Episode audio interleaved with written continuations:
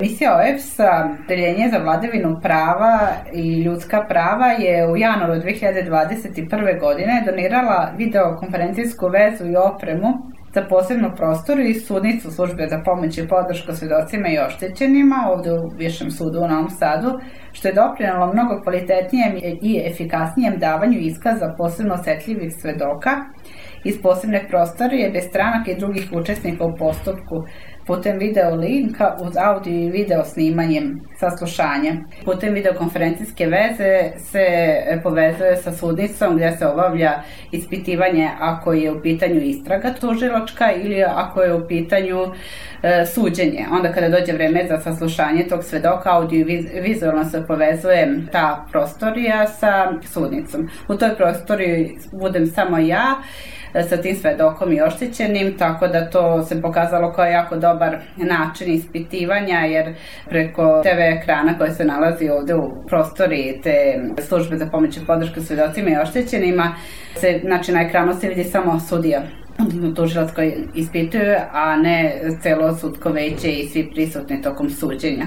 Tako da oštećeni tokom ispitivanja ne vidi okrivljenog i mnogo lakše daje tako iskaz nego da je sad zajedno sa okrivljenim u istoj sudnici. Sa ovom novom videokonferencijskom vezom je od januara 2021. godine do danas ispitano 174 posebno osetljiva svedoka i to su znači svedoci koji su dobili taj status od strane suda ili tužilaštva.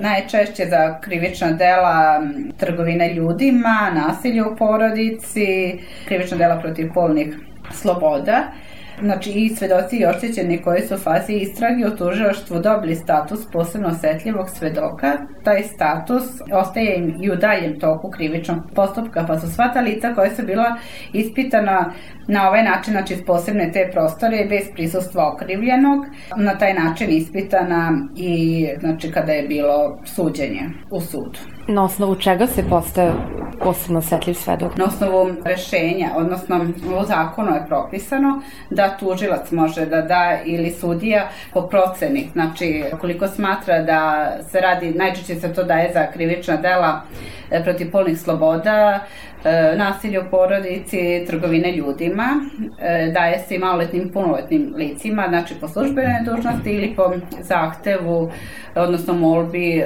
svedoka, branioca ili zakonskog zastupnika tog svedoka. Eto, do sada je bilo ispitano na ovaj način, znači u ovoj godini, 153 svedoka je oštećena, od toga otprilike polovina punoletna polovina maloletnih lica. Da li je zapravo na taj način oštećenom lakše jer ne mora da se, da se suoči sa okrivljenim?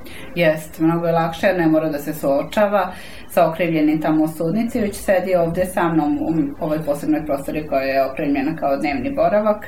E, kada je maloletno lice u pitanju, kada su deca zapravo u pitanju koja su mlađa 14 godina, tada najčešće ispituje psiholog tako da se i to pokazalo kao jako dobar način ispitivanja, e, jer onda u sudnici preko te videokonferencijske veze, odnosno velikog TV ekrana koja se nalazi na zidu sudnice, se vidi znači ispitivanje e, koje obavlja psiholog, vid i čuje, znači audio i vizualno je to snimanje, Psiholog se pre toga konsultuje sa sudijom šta treba da ispita to dete i na koji način, a onda kada treba dođe vreme za postavljanje nekih pitanja, onda se na papiriću postavljaju ta pitanja deci, znači dostavljaju na papiriću od strane branioca i od strane punomoćnika i tužioca.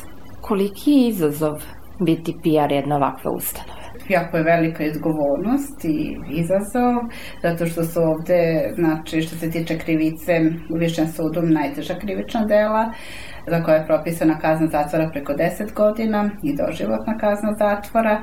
Sve što je nadležnosti Višeg suda u Novom Sadu, to je sve pripada meni da izveštavam o tome, znači po zahtevu vas novinara.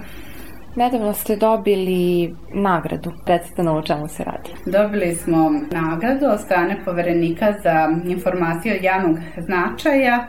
To je znači prva nagrada u kategoriju pravosudnih organa za priznanje za unapređenje prava za slobodu pristupa informacijama od javnog značaja za novu internet stranicu Višeg suda u Novom Sadu, zato što je izuzetno sadržajna i da se mogu pronaći korisne informacije o javnosti rada suda, internim aktima kao i u kontaktima.